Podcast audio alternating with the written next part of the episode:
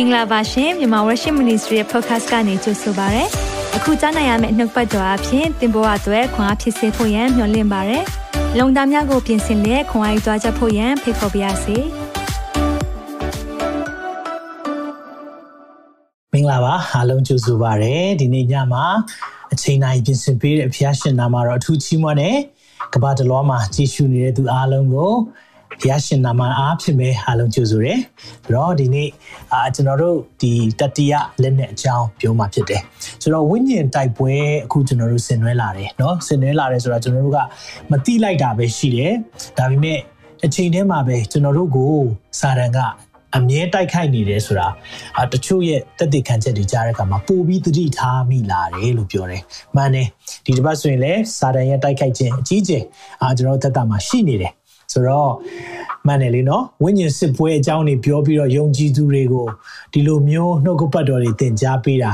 ဘဲကြိုက်မလဲဟုတ်တယ်နော်ဒီလိုမျိုးတိုက်ခိုက်လာမယ်အခုတော်တော်များများလဲခံရမယ်ထင်ပါတယ်နော်အာလုံးဝမထင်ရှားတဲ့သူတွေကကိုလာပြီးတော့ညူဆူတာတိုက်ခိုက်တာခံရမယ်ထင်ပါတယ်နော်စာတန်ရဲ့လုပ်ရက်ကလွယ်လွယ်လေးပဲတင့်ကိုတိုက်လို့မရအောင်ဆိုတစ်ပတ်ဝန်းကျင်ဘေးကလူတွေနဲ့တိုက်တယ်အာဝမ်းနေမှုကောင်းတာကကျွန်တော်တို့အသွေးသားရှိတဲ့ရန်သူမဟုတ်ဘူးလို့ကျွန်တော်ပြောတဲ့အခါမှာတကယ်လည်းဟုတ်တယ်သွေးသားရှိတဲ့ရန်သူလုံးဝမဟုတ်ဘူးဒါပေမဲ့စာတန်ကအဲ့ဒီအသွေးသားရှိတဲ့ပတ်ဝန်းကျင်လူတွေအသုံးချတယ်စိတ်မကောင်းဘူးစိတ်မကောင်းစရာတော့အဲ့ဒီလူတွေအသုံးချခံရတာကဒါစိတ်မကောင်းစရာဖြစ်တယ်ဒါပေမဲ့ကြံ့ခိုင်ပါနော်ရက်တီပါအာမင်အဲကြောင့်မလို့အခုကျွန်တော်တို့ကလက်နဲ့နှစ်ခုပဲတက်ရသေးတယ်အခုတက်တဲ့လက်နဲ့နှစ်ခုလုံးက အာ protection ကာကွယ်တဲ့အရာတွေဖြစ်တယ်။ဒါပေမဲ့နောက်လက်နက်တွေကြရင်ကျွန်တော်တို့ဘက်ကတိုက်မဲ့လက်နက်တွေလာတော့မယ်။ hallelujah ။အားကြောင့်မလို့အားတင်ထားရအောင်။ amen ။ဒီနေ့ရန်သူကိုကျွန်တော်တို့ကတိုက်တယ်လို့ပြောတဲ့အခါမှာအောင်ပြီးသား။ဒါပေမဲ့သူ့ရဲ့ဆုံးရှုံးခြင်းကိုသူကဒီချိန်ထိလုံးဝကိုလက်မခံနိုင်ဘူးစာတန်ကအမြဲတမ်းယုံကြည်သူတွေကိုခိုးမယ်တတ်မယ်ဖြစ်စီမယ်ဒါသူ့ရဲ့လုပ်ရဖြစ်တယ်။ဒါကြောင့်မလို့ ပတ်ဝန်းကျင်ကိုသုံးချလိုက်မယ်အိမ်ပြင်ကလာလို့မရရင်အိမ်တွင်းကနေလာတတ်တယ်နော်အဝေးကလာလို့မရရင်အနီးကနေလာတတ်တယ်ဒါစာတန်ရဲ့လုပ်ရက်ပဲဖြစ်တယ်ဒါကြောင့်ကျွန်တော်တို့လုံးဝမစိုးရိမ်နဲ့လုံးဝမကြောက်နဲ့ ဖျားသခင်တင်းနဲ့တူပါရှိတယ်။ဟာလေလုယာ။တင်းတို့ဖက်၌ရှိတော်သူသည် လောကဖက်မှာရှိတော်သူထက်တာ၍အားကြီးတယ်။အာမင်။အားကြောင့်မလို့ကျွန်တော်တို့ဝန်ခံရအောင် comment လေးရေးပါအောင်။ကျွန်ုပ်တို့ဖက်၌ရှိတော်သူသည်တာ၍အားကြီးတယ်လို့ဝန်ခံရအောင်။ဟာလေလုယာ။ကျွန်ုပ်တို့ဖက်၌ရှိတော်သူသည်တာ၍အားကြီးတယ်။လုံးဝရှုံးပေးဖို့မဟုတ်ဘူး။လုံးဝကြောက်ဖို့မဟုတ်ဘူး။စာတန်သည်အရှုံးသမားဖြစ်တယ်။သူ့ရဲ့လုံရက်တဲ့သူ့ရဲ့နော်တင့်ကိုပြန်ပြီးတော့ ပြောလာတတ်တယ်စာတန်ကလူတွေကိုအသုံးချပြီးတော့တင်မကောင်းတဲ့အကြောင်းပြောလာလိမ့်မယ်တင်တင်ဘသူဖြစ်တယ်လဲเนาะတင်ဖြစ်ခဲ့တဲ့အရာတင်ရဲ့လူဟောင်းကိုလည်းပြန်ပြီးပြောတတ်တယ်အိုးမင်းကဒီလိုဖြစ်လို့လေမင်းတို့ကဒီလိုဖြစ်လို့လေပြောလာရင်ပြန်ပြောလိုက်ပါဒီနေ့စာတန်ငါရဲ့အတိတ်ကိုမပြောနဲ့မင်းရဲ့အနာဂတ်ကိုငါပြောမယ်မင်းရဲ့အနာဂတ်ကဘယ်မှာလဲသိလား ကန့်နဲ့ရောတော်ငရဲမြိုင်ထဲမှာအသေးသက်ခြင်းခံရမှာဖြစ်တယ်ဟာလေလုယာအဲ့ဒီထဲမှာကာလထာဝရကာလချခံရမှာဖြစ်တယ်လောင်ကျွမ်းပျက်စီးမဲ့နေရာမှာအချခံရမှာဖြစ်တယ်ဒါကိုကျွန်တော်တို့ဒီယုံကြည်သူတွေမမေ့ပါနဲ့ဒါကြောင့်မလို့ဝိညာဉ်စစ်ပွဲတွေအကြောင်းတွေပြောလာတဲ့အခါမှာဒီနေ့ယုံကြည်သူတော်တော်များများကတချို့ဒါကလေကြီးခဲသောအစားအစာဖြစ်တယ်နော်ဒါပုံမှန်ယုံကြည်သူတွေအတွက်မဟုတ်ဘူးဒီနေ့ ကျွန်တော်တို့ကကယ်တင်ခြင်းအဆင့်နဲ့ဒီအရာတွေနားလည်နိုင်သေးမှာမဟုတ်ဘူးဒါပေမဲ့ယဉ်ကျက်တဲ့အဆင့်ရောက်လာတဲ့အခါမှာ discipleship တပည့်တော်ဖြစ်ခြင်းအဆင့်ရောက်လာတဲ့အခါမှာဒီနှုတ်ဘတ်တော်တွေကသိတဲ့မှုရှိတယ်နောက်တချို့တွေစာရေးလာကြတယ်အတငယ်ချင်းအဲမှာငယ်ချင်းအချင်းချင်းကိုစာတန်ရန်တိုက်ပေးတဲ့အရာတွေနောက်တိုက်ခိုက်တဲ့အရာတွေမှာစာ၍နှုတ်ဘတ်တော်တွေဝေဖန်တဲ့အရာတွေအများကြီးကြားရတယ်ဒါမဲ့ကျွန်တော်ပြောပြမယ်ဒီနေ့ စာတန်အလုံးလုံးနေတယ်လို့တစ်ဖက်မှာလည်းတန်ရှင်းသောဝိညာဉ်တော်ဟာကြီးမားစွာအလုံးလုံးနေတယ်ဟာလေလုယာဘာကြောင့်လဲနောင်ကာလ၌လူမျိုးတကာတို့ပေါ်သို့ငါ၏ဝိညာဉ်ကိုငါသွန်းလောင်းမိသင်တို့သားသမီးတို့ဟာ prophet ညာနဲ့ဟောရမယ်ဟာလေလုယာဒီနေ့အသက်ကြီးတဲ့လူငယ်တဲ့သူเนาะလူမျိုးတကာအမျိုးသားအမျိုးသမီး ကြိုက်တဲ့လူအားလုံးအပေါ်မှာဖခင်ရဲ့တန်ရှင်းသောဝိညာဉ်တော်သွန်းလောင်းတဲ့ကာလဖြစ်နေတယ်။ဒါကြောင့်ဒီနေ့ကြောက်စရာမလိုဘူးလို့ခွန်အားပေးခြင်းနဲ့အာဒီနှုတ်ကပတ်တော်ကိုဒီနေ့မှဒီနေ့ကြားဖြစ်တယ်ဆိုရင် YouTube မှာသွားပြီးတော့အာပြန်ပြီးကြည့်စေခြင်းနဲ့ဒီနေ့ညဟောမယ့်နှုတ်ပတ်တော်ဒီအပိုင်းလေးဖြစ်သွားပြီဖြစ်တယ်။ ဒါကြောင့်မလို့အာ၄ခုမြောက် episode 4ဖြစ်သွားပြီဒါကြောင့်1 2 3လွတ်သွားရဲဆိုရင်တော့ YouTube စာမျက်နှာမှာတွားပြီးတော့ကြည့်လို့ရပါတယ် YouTube မှာမြန်မာ worship လို့ရှာလိုက်မယ်ဆိုရင်တော့ကျွန်တော်တို့နှုတ်ပတ်တော်တွေအားလုံးတင်ထားပေးတယ်အကယ်၍ YouTube မှာသင်ဒီဟာကိုကြည့်နေတယ်ဆိုရင်တော့သင်ကိုလည်းအထူးကြိုးဆိုရဲ live ပါဝင်နိုင်တယ်ဆိုရင် Facebook မြန်မာ worship မှာလာရောက်ပါဝင်ဖို့ရန်အတွက်လည်းဖိတ်ခေါ်ပါတယ်ဟုတ်ပြီဒီနေ့ကျွန်တော်တို့ပြန်လည်ဝန်ခံရအောင်ဒီနေ့နှုတ်ပတ်တော်ကင်ဆွဲရအောင် hallelujah ကျွန်တော်ဝန်ခံနေကြနှုတ်ပတ်တော်ဝန်ခံရအောင်နှုတ်ကပတ်တော်သည်အကျွန်ုပ်ခြေရှိမှမိခွက်ဖြစ်၍အကျွန်ုပ်လမ်းခီကိုလင်းစေပါ၏တစ်ခါတော့ပြန်လည်ဝန်ခံရအောင်နှုတ်ကပတ်တော်သည်အကျွန်ုပ်ခြေရှိမှမိခွက်ဖြစ်၍အကျွန်ုပ်လမ်းခီကိုလင်းစေပါ၏အာမင်ဒီနေ့ကြားနာရမယ့်နှုတ်ပတ်တော်အဖြစ် သင်လန်းလင်းမယ်သင်ဘာလုပ်ရမလဲဆိုတာကိုဖျားဖွင့်ပြလိုက်ပဲသင်သွားမယ့်နေရာမသိဘူးဆိုရင်ဒီနေ့နှုတ်ကပတ်တော်အဖြစ်သင်ကိုဘာလုပ်ရမလဲဆိုတာတန်ရှင်းသောဝိညာဉ်တော်ဖျားဖွင့်ပြပါစေဟာလေလုယာဒီနေ့ယုံကြည်တယ်အသုံးခံမှာကျွန်တော်ဖြစ်တယ်ကျွန်တော်အလင်းပြနိုင်တော်သူမဟုတ်ဘူးဒီနေ့အလင်းကိုဒီနေ့ကျွန်တော်တို့ကဒီမှာရှိတယ်ဆိုပြီးတော့ကျွန်တော်တို့ကလမ်းညွှန်တဲ့ sign board လေးတွေပဲဖြစ်တယ်ဒါကြောင့်ဒီနေ့စကားပြောမှသည်တန်ရှင်းသောဝိညာဉ်တော်ဖြစ်တယ်တင့်ကိုနှလုံးသားတိုးထိဖို့ ပြောင်းလဲဖို့လှုပ်စေနိုင်တာကဒီနေ့ဖရာသခင်ပဲဖြစ်တယ်ဆိုတော့ဒီနေ့ပြောပြချင်တယ်ဒါကြောင့်ကျွန်တော်အတွက်ဆူတောင်းပေးပါမိတ်ဆွေတက်လဲကျွန်တော်ဒီနေ့ဆက်ကတ်ချင်တယ်အားလုံးအစီအစဉ်တွေအားလုံးကိုလက်ဝဲနိုင်အနိုင်ရအောင်သက်ရှင်တော်ဖျားနာမတော်ကိုအထူးချီးမွမ်းတယ်ကိုရောရဲ့ပို့ဆောင်ခြင်းကြောင့်ဒီညမှာလည်းနှုတ်ပတ်တော်ခံယူကြရတာဖြစ်တယ်ဒီနေ့အစီအစဉ်အားလုံးကိုလက်ဝဲနိုင်အနံ့နဲ့အနောက်ရှက်ပေးတဲ့ဝိညာဉ်စု တင့်ကိုယေရှုနာမ၌ဒီနေရာကနေဒါစီဖယ်ရှားတယ်ဒီလူတွေကိုမကြားနိုင်အောင်နားပိတ်ထားတဲ့အရာဝိညာဉ်မျက်စိပိတ်ထားတဲ့အရာဒီနေ့အတွေးခေါ်အဖြစ်မာကြောစေတဲ့အရာနှလုံးသားမာကြောစေတဲ့အရာအလုံးကိုဒီနေရာကနေယေရှုနာမအဖြစ်အမိန့်ပေးလက်ဖြိုဖျက်တယ်စာတန်ရဲ့ stronghold များဒီနေ့ခံယူချက်မှားယွင်းတဲ့အရာအများအလုံးကိုလည်းယေရှုနာမ၌ဒီနေရာကနေဖယ်ရှားလျက်ဒီနေ့အသစ်သောစပြည့်ရထည့်ပေးပါအသစ်သောစပြည့်ရထည့်ဖို့ဒီအသစ်သော စပြည့်ရဘူးထဲမှာပဲထည့်လို့ရတာဖြစ်တဲ့အတွက်ကိုရောကျွန်တော်တို့နှလုံးသားထဲမှာဒီနေ့ဟောင်းနှွမ်းနေတဲ့အရာအလုံးကိုဖယ်ပေးပါဒီနေ့ကိုရောရဲ့ဝိညာဉ်တော်ဖျားကျွန်တော်တို့ကိုစကားပြောပါအသုံးခံဖို့ကျွန်တော်အစဉ်သင့်ဖြစ်ပါပြီကျွန်တော်နှုတ်ဆက်ရှာမှာစာ၍အရာအားလုံးကိုတော့လက်ဝင်နိုင်အနန္နဲ့ဖျားရှင်ဒီနေ့ပါရှိပါပြင်ပန်းတွန်းနေတဲ့အရာမှာစာ၍လူတွေရဲ့စိတ်မလန်းဆန်းစေတဲ့အရာအားလုံးကိုကိုရောရဲ့နှုတ်ကပတ်တော်ရည်အားဖြင့်လန်းဆန်းစေပါမိအကြောင်းလက်ဝင်နိုင်အနန္နဲ့တပါးသီးသောသားတော်မြတ်ယေရှုနာမ၌စက္ကန့်နဲ့ဆုတောင်းကြပါ၏ အာမင်အာမင်အာမင်ဟုတ်ပြီဒီနေ့နှုတ်ပတ်တော်ကိုကျွန်တော်တို့မသွားခင်မှာအရင်နှုတ်ပတ်တော်တွေအကြောင်းလွတ်သွားတဲ့လူတွေရှိမှဆိုလို့ပြန်ပြီးတော့ပြောပြချင်တဲ့အကယ်၍မလွတ်ဘူးဆိုရင်လည်းနှွေးပြီးသားဖြစ်သွားတယ်เนาะဒါတော့ကျွန်တော်ဝိညာဉ်စစ်ပွဲ warfare လို့ပြောတဲ့အခါမှာ spiritual warfare လုပ်နေတဲ့အခါမှာကျွန်တော်တို့သိဖို့လိုတာကအရေးကြီးတဲ့အချက်၅ချက်ရှိတယ်။ဘာကြောင့်လဲဆိုတော့ဒီအရာမသိဘူးဆိုရင်ယုံကြည်သူများကစာတန်ကတိုက်ခိုက်နေတယ်ဆိုတာကိုနားမလည်ဘဲနဲ့ အမြဲတမ်းအလူးလိမ့်ဖြစ်နေကြတယ်။ယုံကြည်သူတွေအလူးလိမ့်ဖြစ်နေရင်ကျွန်တော်တို့ဖျားနှုတ်ပတ်တော်တင်တဲ့သူတွေစိတ်မပြောဘူး။ဘာကြောင့်လဲ။ဖျားနှုတ်ပတ်တော်ကအောင်မြင်တော်သူတဲ့အောင်မြင်တော်သူဖြစ်တယ်ပြောတယ်။ဒါပေမဲ့အိမ်မှာကြည့်လိုက်တဲ့အခါမှာအောင်မြင်တဲ့လက္ခဏာတစ်ခုမှမတွေ့ရဘဲနဲ့ဘေးကဖျားကိုမသိရတဲ့လူတွေထက်တောင်မှနောက်ကျနေကြတယ်။တခြားမဟုတ်ဘူး။ကျွန်တော်တို့ကခီးလေးတွေလှုပ်ဝက်ချက်လေးတွေမတွေ့လို့ဖြစ်တယ်။ဒါကြောင့်ဒီနေ့မှာပြောပြချင်တယ်။ ကျွန်တော်တို့ဘာကြောင့် spiritual warfare ဝိညာဉ်စစ်ပွဲကိုဆင်နွှဲကြလဲဆိုတာသိဖို့လိုတယ်နံပါတ်1ကစာတဟာရန်သူဖြစ်တယ်ခိုးမယ်တတ်မယ်ဖျက်ဆီးမယ်သူ့ရဲ့လောက်ရက်ပဲဒါသူလှုပ်ဖို့ရန်အတွက်သူရှိနေခြင်းဖြစ်တယ် ဒါကိုကျွန်တော်တို့နားလည်ဖို့လိုသလိုနံပါတ်2ကဟောက်တော်ချင်သိခဲ့သူဝါမျိုးဖို့စောင့်နေတယ်တမာတတိရှိပါမာနကိုစီးတားဖို့လိုတယ်နောက်ပြီးရင်ကျွန်တော်တို့ရဲ့ရန်သူဟာအသွေးသားရှိသောရန်သူမဟုတ်ဘူးเนาะဒါကိုလည်းနံပါတ်3ချက်သိဖို့လိုတယ်အသွေးသားမရှိဘူးလို့ပြောတဲ့အခါမှာဒါဆိုရင်ဆရာဘာကြောင့်ဒီတယောက်ကကျွန်တော်ကိုတိုက်ခိုက်တာလဲဒီတယောက်ကကျွန်တော်ကိုဒီလိုလုပ်တာလဲမိတ်ဆွေအဲ့ဒီလူကိုအသုံးချတာလေဒီနေ့အဲ့ဒါကိုနားလည်ဖို့လိုတယ်เนาะတခါလေယုံကြည်သူတွေ ကိုယ့်ကိုအသုံးချနေမှမသိဘဲနဲ့ကိုဖြစ်နေတာအဲ့လိုမျိုးအချိန်ဆိုရင်ဒီနေ့ဆင်ခြင်ဖို့လိုတယ်ဘာကြောင့်လဲလို့ပြောတဲ့အခါမှာကိုဖះရဲ့အလိုတော်နဲ့မညီတော့ဘူးဖះရဲ့တမာတရားပေါ်မှာမရက်တည်တော့ဘူးဆိုရင်တော့သင်စာတန်ရဲ့အသုံးချခြင်းခံရတတ်တယ်။အားဆရာဒါဟုတ်ရဲ့လားကျွန်တော်တို့ထဲမှာနော်ဖះရှိတာပဲ။ဒီနေ့၃နှစ်၃မိုးသခင်ယေရှုနဲ့နေခဲ့တဲ့နော်ပေတျုသူ့ကိုအချင်းစာတန်ကနောက်ဆုတ်ပါလို့ပြောတယ်။ဒီကနေ့ပေတျုကိုပြောတာမဟုတ်ဘူး။ အသုံးချနေတဲ့စာတန်ကိုပြောတာဖြစ်တယ်။ပြီးရင်ယူရရှာခယုတ်ဒီတဲ့အတိုင်းပဲသူ့ထဲမှာစာတန်ဝင်တယ်။ဘာကြောင့်ဝင်လဲ။အခွင့်ပေးတာနော်တတ်မှတ်ခြင်းနဲ့တတ်မှတ်ခြင်းနဲ့ဖះကို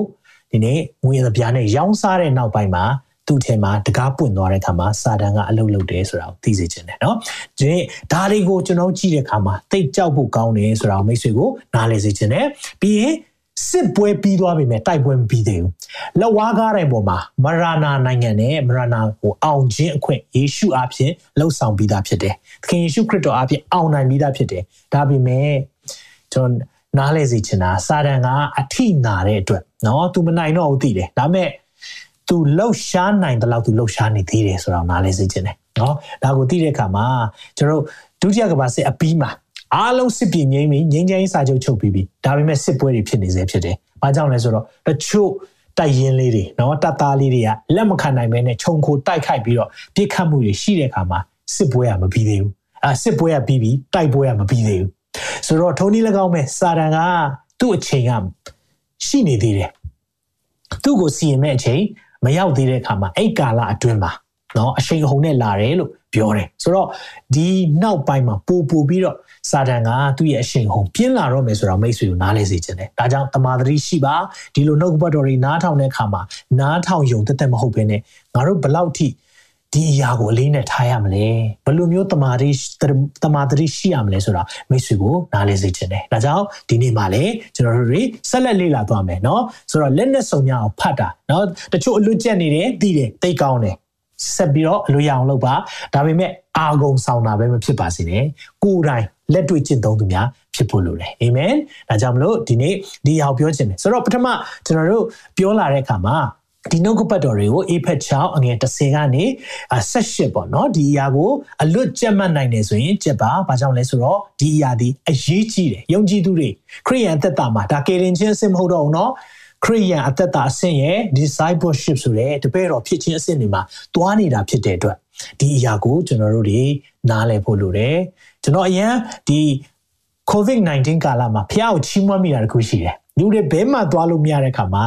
online ကနေနှုတ်ပတ်တော်တွေကိုအများကြီးစားသုံးခွင့်ရတယ်။ဘုရားကျေးဇူးတော်ကြောင့်ပဲ technology အားဖြင့်ဖြစ်စေ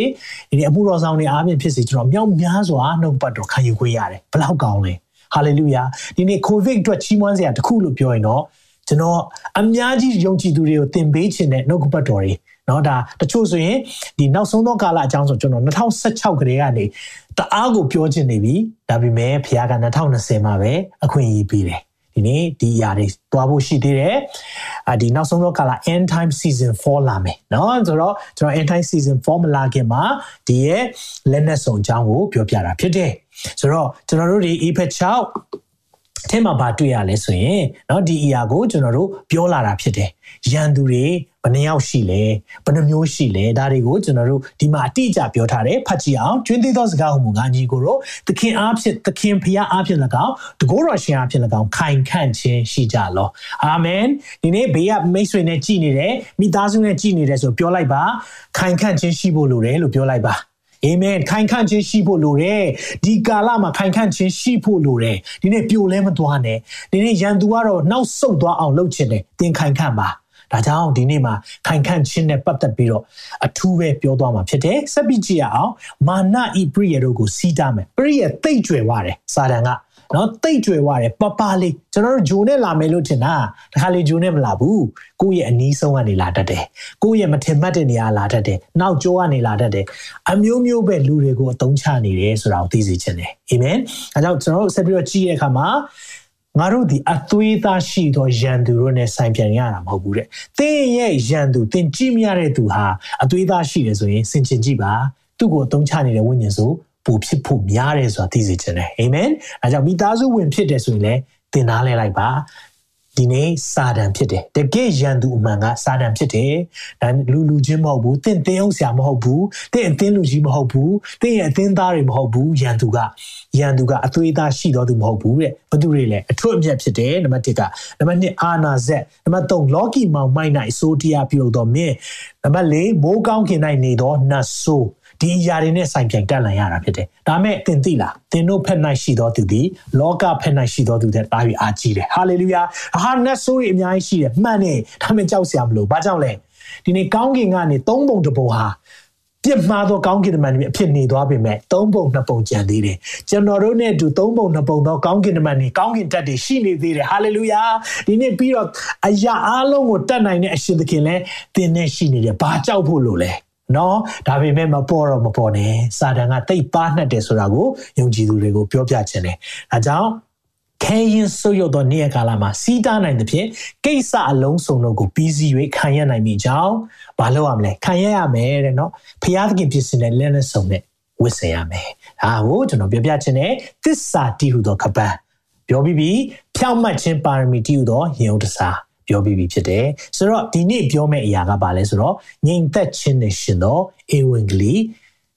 တရားနော်ဧဝံဂေလိတရားဟောပြောအပ်တော့ငါပြင်ဆင်တော့ဖြစ်တည်ပြီးတော့ခြေစွပ်ဒါကြောင့်ဒီနေ့နှုတ်ပတ်တော်ခေါင်းစဉ်ကိုငြိမ်သက်ခြင်းဧဝံဂေလိခြေစွပ်လို့ကျွန်တော်နာမည်ပေးထားတယ်ဟုတ်ပြီနော်ဒါကြောင့်ဒီနေ့မှာကြည့်ရအောင်ဟုတ်ပြီ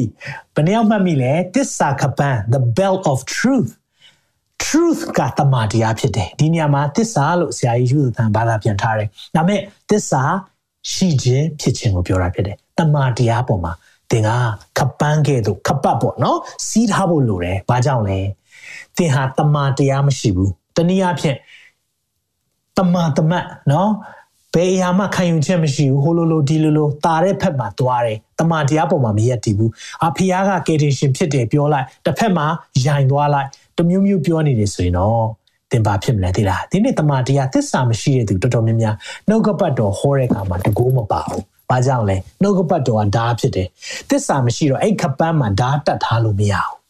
ဓာတ်မပါဘူးဒါကြောင့်မလို့သူတို့ပြောတဲ့အရာတွေဒီစာအုပ်ပဲလေအားလုံးပြောနေကြတာပဲဟုတ်တယ်နော်ဒီတမန်ကျမ်းစာထေးရပဲပြောနေကြတယ်ဒါပေမဲ့တယောက်နဲ့တယောက်ပြောတာဘာကြောင့်မတူလဲဘာကြောင့်မတူလဲပြောပြမယ်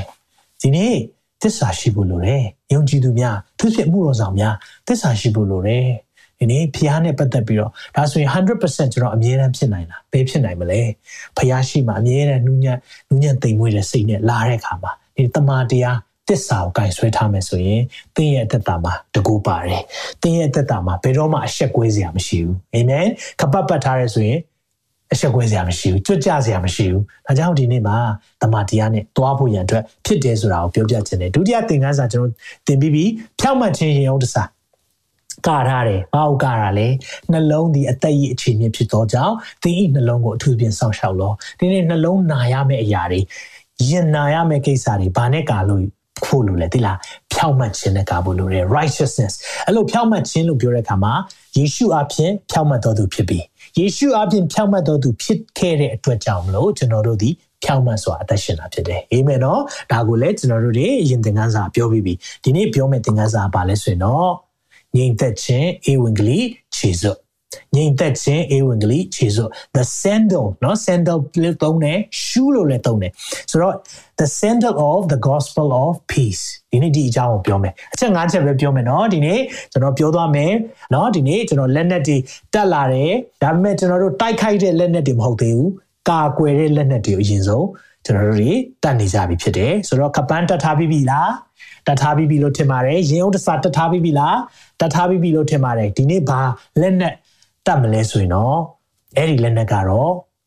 အေးဝင်ကလေးခြေစွပ်ခြေနင်းเนาะခြေစွပ်လို့ပြောတဲ့အခါမှာကျွန်တော်သိတဲ့ခြေစွပ်ကိုပြောတာမဟုတ်ပါဘူးခြေကိုစွတ်တဲ့အရာခြေနင်းဖနက်ကိုပြောခြင်းဖြစ်တယ်ဒါကိုအရင်ဆုံးနားလေစေချင်တယ်ဒီနေ့ဒီခြေစွပ်နဲ့ပတ်သက်ပြီးတော့ကျွန်တော်တို့ကြည့်ရအောင်နှုတ်ပတ်တော့ဒီနေ့အဖွင့်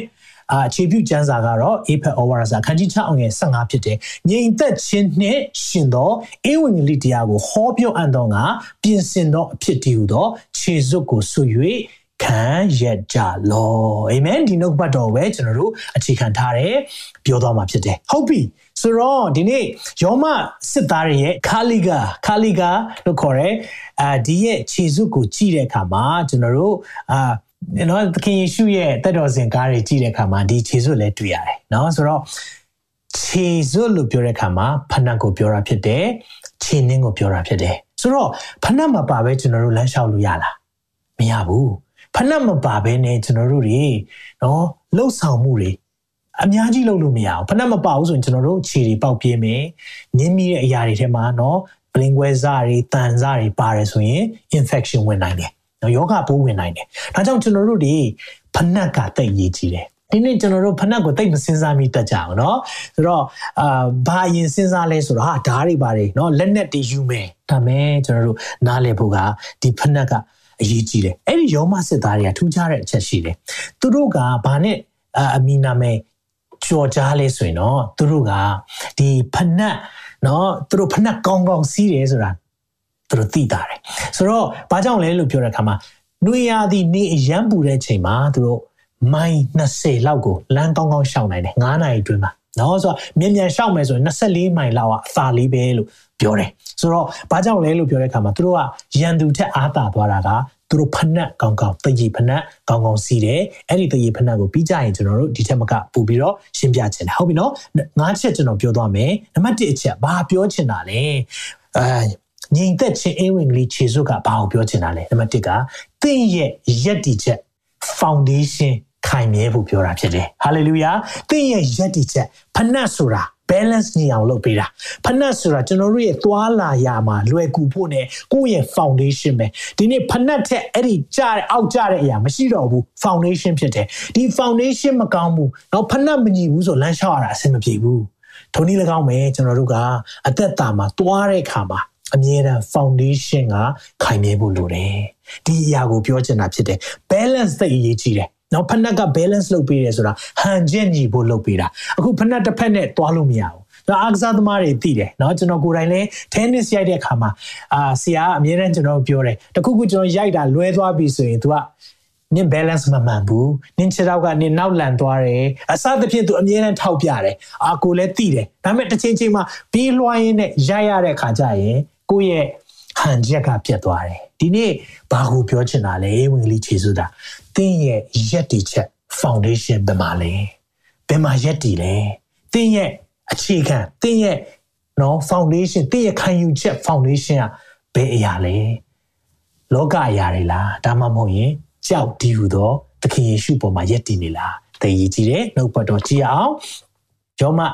စစ်သားရဲ့သူ့ရဲ့ဖနက်နော်အဲ့ဒီဖနက်အောက်မှာ ဒီအရာတွေသူတို့က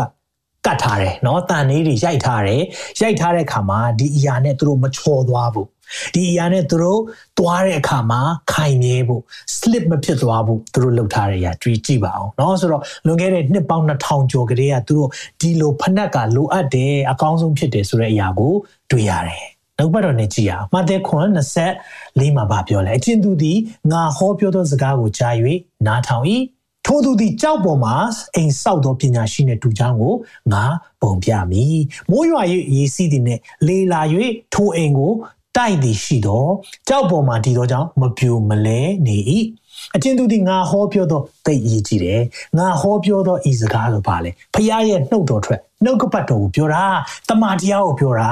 အချင်းသူဒီငါဟောပြောသောဤစကားကိုကြား၍နားမထောင်ပဲနေ၏ နားမထောင်တဲ့လူတွေဘာဖြစ်မလဲထိုးသူသည်သဲပေါ်မှာအိမ်ဆောက်တော်လူမိုက်နဲ့တူချောင်းကိုငါပုံပြမည်မိုးရွာ၍ရေစီးသည်နဲ့လေလာ၍ထိုအိမ်ကိုတိုက်သောအခါကြီးစွာသောပြိုလဲခြင်းကိုရောက်သည်ဟုဟောတော်မူ၏တဲ့ဒီမှာကြည့်လိုက်ပါဦးဘယ်ပေါ်မှာကျွန်တော်တို့ရဲ့ foundation တည်ဖို့လို့လဲကြောက်တည်ဟုတယ်သခင်ယေရှုပေါ်မှာကျွန်တော်တို့တွေခိုင်မြဲစွာအသက်ရှင်ဖို့လိုတယ် ဒါသိရေးကြည့်တယ်နော်မိတ်ဆွေရဲ့ခံယူချက်ဘယ်မှာရှိလဲတော့မသိဘူးဒီနေ့တမာတရားဟာတမာတရားပေါ်မှာယက်တည်ပါဒါကြောင့်တမာတရားကိုဘုရားကလေခပန်းအနေနဲ့ပြောတယ်အဲ့တမာတရားကလည်းဖြောင့်မတ်ခြင်းရင်အုတ်တစာကြီးကိုဆွဲမြင်းစွာခိုင်မြဲအောင်လှုပ်ထားပြီးတဲ့အရာဖြစ်တယ်လို့အဲ့ဒီတမာတရားပဲယက်တည်ချက်လည်းဖြစ်နေပြန်ရောအာမင် ဒါကြောင့်ကျွန်တော်တို့ဒီဒီနှုတ်ပတ်တော်တွေလိလာတဲ့အခါမှာဟောပြောတဲ့အခါမှာဒီနေ့တမန်တရားနဲ့သွားဖို့အမြဲလိုအပ်တယ်ဆိုတာကိုဒီနေရာကနေကျွန်တော်တို့သိရတယ်။ဒါကြောင့် balance မှန်ဖို့လိုတယ်။ Amen ။ဒါကြောင့်တမန်တရားပေါ်မှာယက်တည်ပြီးဆိုရင်သင် balance မှန်လာပြီ။ slip မဖြစ်တော့ဘူး။တခုခုအကြောင်းကြုံလာပြီ။နော်အလောက်ကနေပစ္စည်းလေးတွေယူလာလို့ရတယ်ဟုတ်လားเนาะစာအုပ်လေးတွေယူလာလို့ရတယ်ဘောပင်လေးတွေယူလာလို့ရတယ်မှန်ပါတယ် ဘယ်သူမှဟိုတခါလေးဆိုကိုယ့်ကိုပေးသုံးထားတယ်နော်ဆိုတော့အဲအဲ့ဒါမျိုးဆိုဟာစာအုပ်တော့ရေးလိုက်ပြန်ဖြတ်လိုက်နောက်တော့ယူသွားလိုက်ဆိုတော့နော်ကျွန်တော်တို့သတင်းဌာနမှာကြီးလောက်ခဲ့တော့ဆိုရင်ဒီစာအုပ်တွေကပုံပေါ်လောသုံးခွင့်ရတဲ့အခါမှာကျွန်တော်တို့ဒီမှာစာအုပ်အမျိုးမျိုးရေးတယ်အဲ့ဒီမှာဘာနားလေရလဲဆိုတော့ဖြောင်းမှတ်ခြင်းဟာလေတိတိလေးကနေစားတယ်ထုံလေးလေးကောင်းပဲတင်းရဲ့ရက်တီချက်ကလေတမန်တရားပုံမှာမရက်တီဘူးဆိုဒါတိတိလေးပါကွာနော်ဒါလေးက slip ဖြစ်သွားတတ်တယ်ချော်သွားတတ်တယ်ဒါကြောင့်ကျွန်တော်တို့တွေ တမာတရား နဲ့เนาะဒီရဲ့ငြိမ်သက်ခြင်းအင်ဝင်ကလေးခြေစွပ်ကဘာကိုပုံဆောင်တယ်လဲဆိုရင်တော့သင်ရဲ့ယက်တီချက်ခိုင်မြဲဖို့ရန်အတွက်ဖခင်ကတွင်တင်တာဖြစ်တယ်ဟုတ်ပြီเนาะနံပါတ်1အချက်ကြည့်အောင်ဘာကိုဆိုလို့လဲကယ်တင်ခြင်းအ sorry ငြိမ်သက်ခြင်းအင်ဝင်လေးခြေစွပ်ကဘာကိုပုံဆောင်လဲဆိုရင်ကယ်တင်ခြင်းသတင်းစကားပြောဖို့အမြဲအစဉ်သင့်ရှိပါလို့ပြောတာဖြစ်တယ်ဟာလေလုယာဒီနေ့သင်ခြေစွပ်ဆွတ်ထားပြီးပြီเนาะသွားပြီးပြီဆိုတာဘာကိုပြောတာလဲ ready ပဲသွားတော့မယ် ကျွန်တော်တို့ကခရိယန်စစ်တီဖြစ်တယ်ဆိုတာမမေ့နဲ့ကျွန်တော်တို့ယုံကြည်သူတွေဟာတိုက်ပွဲထဲမှာအမြဲရှိနေဆိုတာမမေ့ဖို့လိုတယ်။ဒါကြောင့်မလို့အချိန်မရွေးကိုယ့်ကိုထပြီးတော့နော်ဟောရမယ်ပြောရမယ်အင်းဝင်တရားဝင်ငှားရမယ်ဆိုသင်အစဉ်သင်ဖြစ်ပြီလား။အာဘယ်ကနေစပြောရမှမသိဘူးလား။ဒီနေ့ကျမ်းစာဘာပြောလဲတစ်ချက်လောက်ကြည့်အောင်။ပေတီအော်ရာစာပထမဆုံးခန်းကြီး3ငယ်15မှာဒီလိုပြောတယ်။စိတ်နှလုံးထဲ၌သာရအရှင်ဘုရားသခင်ကိုယိုသေးခြင်းရှိကြလော့ ယိုသေးပါသင်တို့မျော်လင့်ခြင်းဤအကြောင်းပြောကြည့်ပါသင်တို့မျော်လင့်ခြင်းဤအကြောင်းကျွန်တော်တို့ဘာကိုမျော်လင့်တာလဲဘာမျော်လင့်နေလဲအခုချိန်မှာသခင်ရဲ့ကြွလာခြင်းမဟုတ်ဘူးလားသခင်ရဲ့ချီဆောင်ခြင်းမဟုတ်ဘူးလားသခင်နဲ့အတူထာဝရကာလစိုးစံခြင်းမဟုတ်ဘူးလားအဲ့ဒါကိုကျွန်တော်တို့ယုံကြည်သူတွေကစောင့်မျှော်နေမျှော်လင့်နေတာမဟုတ်ဘူးလားဒီနေ့သင်ရဲ့မျှော်လင့်ခြင်းအကြောင်းဆိုတာဒါအေဝံဂေလိသတင်းစကားလေ လူသားတွေအပြစ်တရားထဲသွားစရာမလိုတော့ဘူးဂျေဇုတော်အားဖြင့်ကယ်တင်ခြင်းရောက်နိုင်တယ်ဆိုတာကိုယုံကြည်ဖို့ရန်အတွက်ဝင်ငှတဲ့အေဝံဂေလိသတင်းစကားမဟုတ်ဘူးလားကျွန်တော်မျှော်လင့်ချက်ကအဲ့ဒီမျှော်လင့်ခြင်းစကားကိုတဲ့ဗာပြောထားလဲဆိုတော့မေးမြန်းတော်သူရှိသမျှတို့အားတဲ့လာမေးတယ်ဆိုရင်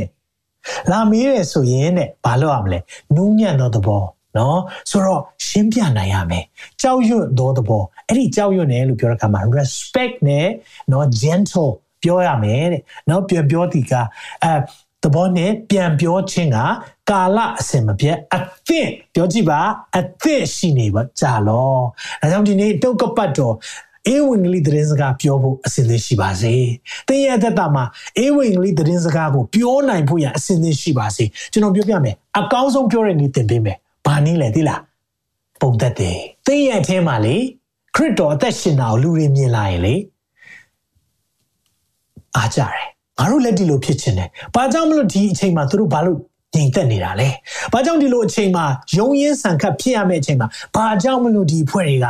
တည်ငြိမ်နေတာလဲလူတွေသိချင်လာတယ်ဘာကြောင့်မလို့ဒီတယောက်မြဲပြုံးနိုင်တာလဲဟာလေလုယာဘာကြောင့်ပြုံးနိုင်လဲဟောသခင်အဲမှာရှိတော့စိတ်ပူစရာမလိုဘူးလေနော်ကာမဂုဏ်စည်းစိမ်တွေနဲ့စိတ်ပူစရာမလိုအထက်အရာမျိုးကြည့်တဲ့အခါမှာဒီဘေးပတ်ဝန်းကျင်အရာတွေအတွက်စိတ်မပူဘူးလေ ဒီနေ့ကျွန်တော်ပြောပြမယ်။ကယ်တင်ခြင်းသတင်းစကားကိုဟောဖို့ကလွယ်လွယ်လေးဘာကြောင့်ယုံတာလဲသိလား။သင်ဘာကြောင့်ယေရှုခရစ်တော်ကိုယုံတာလဲ။ပြောပြနိုင်ရမယ်နော်။ပြောပြနိုင်ရမယ်။ဒါအမှုတော်ဆောင်တွေပဲတာဝန်။သင်လဲမှုတော်ဆောင်ပဲ။ကျွန်တော်ပြောပြမယ်။ကျွန်တော် online ကဟောလို့ရတယ်။ဒါပေမဲ့ယုံပါလေဘယ်သူဟောရမလဲသိလား။သင်ရဲ့ယုံပါ။သင်သင်ရဲ့အလုံးမှာဘယ်သူဟောရမလဲ။သင်ဒါကြောင့်ကျွန်တော်အားပေးခြင်းနဲ့မိတ်ဆွေအကောင်းဆုံးအေဝံဂေလိဟောနီးရလေ ပုံသက်တည်နံပါတ်1ဖြစ်အောင်အာမင်ပြီးရင်နံပါတ်2အချက်ကတော့လွယ်လွယ်လေးပဲသခင်ယေရှုဟာကျမအဖြစ်အတွက်အသေးခံခဲ့တယ်။ဒါကြောင့်ဒီလိုအသေးခံခြင်းကြောင့်မလို့ကျမဟာငရဲသွားစရာမလိုတော့ပျက်စီးခြင်းတဲ့အပြစ်တရားရဲ့အခအသေးခြင်းထဲမှာသွားစရာမလိုပဲနဲ့ထာဝရအသက်ရတယ်။ ပြောနိုင်ရမယ်ဒါကိုယုံကြည်တယ်ဟာလေလုယာအဲတော့ဒီနှုတ်ပတ်တော်လေးကိုတစ်ခေါက်တော့ပြန်ဖတ်ရအောင်ဒါဟာ apologetic တွေရဲ့ကင်ဆွဲတယ်เนาะဆိုတော့ခရိယန်တွေကိုခရိယန်ယုံကြည်ချက်တွေနဲ့ပတ်သက်ပြီးတော့ဝင်ငှတဲ့သူတွေ apologist တွေကသုံးထားတဲ့အဲကင်ဆွဲထားတဲ့နှုတ်ပတ်တော်လည်းဖြစ်တယ်ဘာပြောလဲစိတ်နှလုံးထဲ၌ ထာဝရရှင်ဘုရားသခင်ကိုယိုသေးခြင်းရှိကြလော့သင်တို့မျှော်လင့်ခြင်းအကြောင်းကိုနော်မျှော်လင့်ခြင်းအကြောင်းတနည်းအားဖြင့်ယေရှုခရစ်တနည်းအားဖြင့်ကယ်တင်ခြင်းတနည်းအားဖြင့်ချီဆောင်ခြင်းဘယ်အကြောင်းလာမလဲအဲ့ဒီအကြောင်းကိုမေးမြန်းတော်သူရှိသမျှတို့လာမေးပြီဆိုရင်တဲ့ နူးညံ့သောသဘောကြောက်ရွံ့သောသဘောနဲ့ပြန်ပြောခြင်းကကာလအစဉ်မပြတ်အသင့်ရှိနေကြပါဟာလေလုယာဒါကြောင့်မလို့ဧဝံဂေလိခြေစွပ်ဆွတ်ထားတဲ့စာ ready ပဲအာမင်ဧဝံဂေလိခြေစွပ်ဆွတ်ထားတဲ့ဆိုဒီနေ့ပြောမလားရတယ်ဒီနေ့နော်မင်းခုမေးပါဦးမယ် when was the last time you share the gospel with other people နေမင်းခုမေးချင်တယ်ဘယ်တော့မှသင်နောက်ဆုံးအချိန်ဆွခရစ်တော်ရဲ့ကယ်တင်ခြင်းတဲ့စကားကိုပြောတာလဲဘယ်တော့မှနောက်ဆုံးလဲဘယ်သူကိုပြောခဲ့တယ် တခါမှမပြောသေးရင်ဒီနေ့မှာခွန်အားပေးခြင်းနဲ့သင်ပြောဖို့အချိန်ပဲဒီနှုတ်ကပတ်တော်ဖခင်အသင်ကိုကြားစီလိုတာကအကြောင်းရှိတယ်ဒီနေ့ကအေဝံဂေလိခြေစွတ်ဆွတ်ထားပါဆို ready ပဲဘယ်သွားမလဲဟုတ်တယ်နော်ဖနက်ကြီးစီတာပဲအိယာပေါ်အိတာမှမဟုတ်တာဟုတ်တယ်နော်ခြေစွတ်ကြီးတွတ်ပြီးတော့အိမ်ထဲလျှောက်သွားနေတာမှမဟုတ်တာအပြင်သွားမယ်နေကရင်ကျင်တဲ့စကားဟောတော်မယ်ဟာလေလုယာဒီနေ့သင်ကိုဘုရားကလေဟောကြားဖို့အလိုရှိတယ်အာမင်ဒါကြောင့်မလို့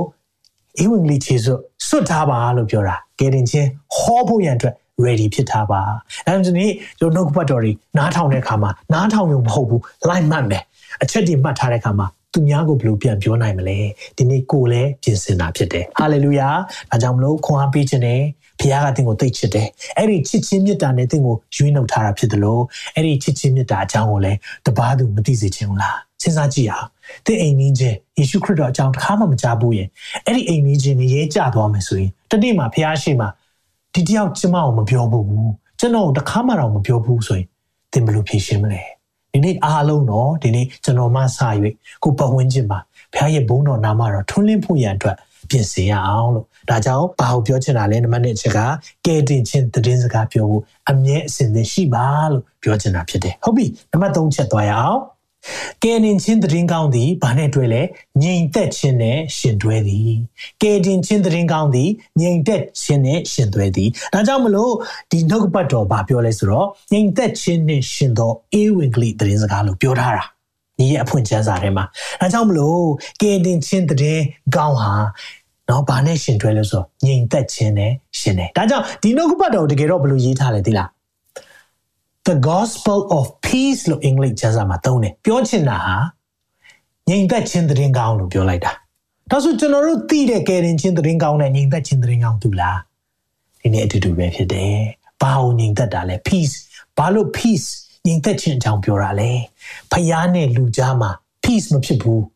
ဘာကြောင့်လဲအပြစ်ကြောင့်အပြစ်ကြောင့်ကျွန်တော်ကြားထဲမှာမိစ္ဆာယပြစ်သွားတယ်အဲ့ဒီအပြစ်ကြောင့်မိစ္ဆာယပြတ်သွားတဲ့အရာကိုကယ်တင်ခြင်းဖြစ်တဲ့ ယေရှုခရစ်တော်အားဖြင့်ကျွန်တော်တို့ဒီပြန်လည်ပြီးတော့သင့်မြတ်ခွင့်ရတယ်။ဒီနေ့ peace ဆိုတဲ့အသုံးနှုန်းကတကယ်တော့ငြိမ်သက်ခြင်းဆိုတာတဲ့သင့်မြတ်ခြင်းလို့သုံးလို့လည်းရတယ်။အတိတ်ပဲကသင့်မြတ်ခြင်းဖခင်နဲ့ကျွန်တော်တို့ကြားထဲမှာဟသွားတဲ့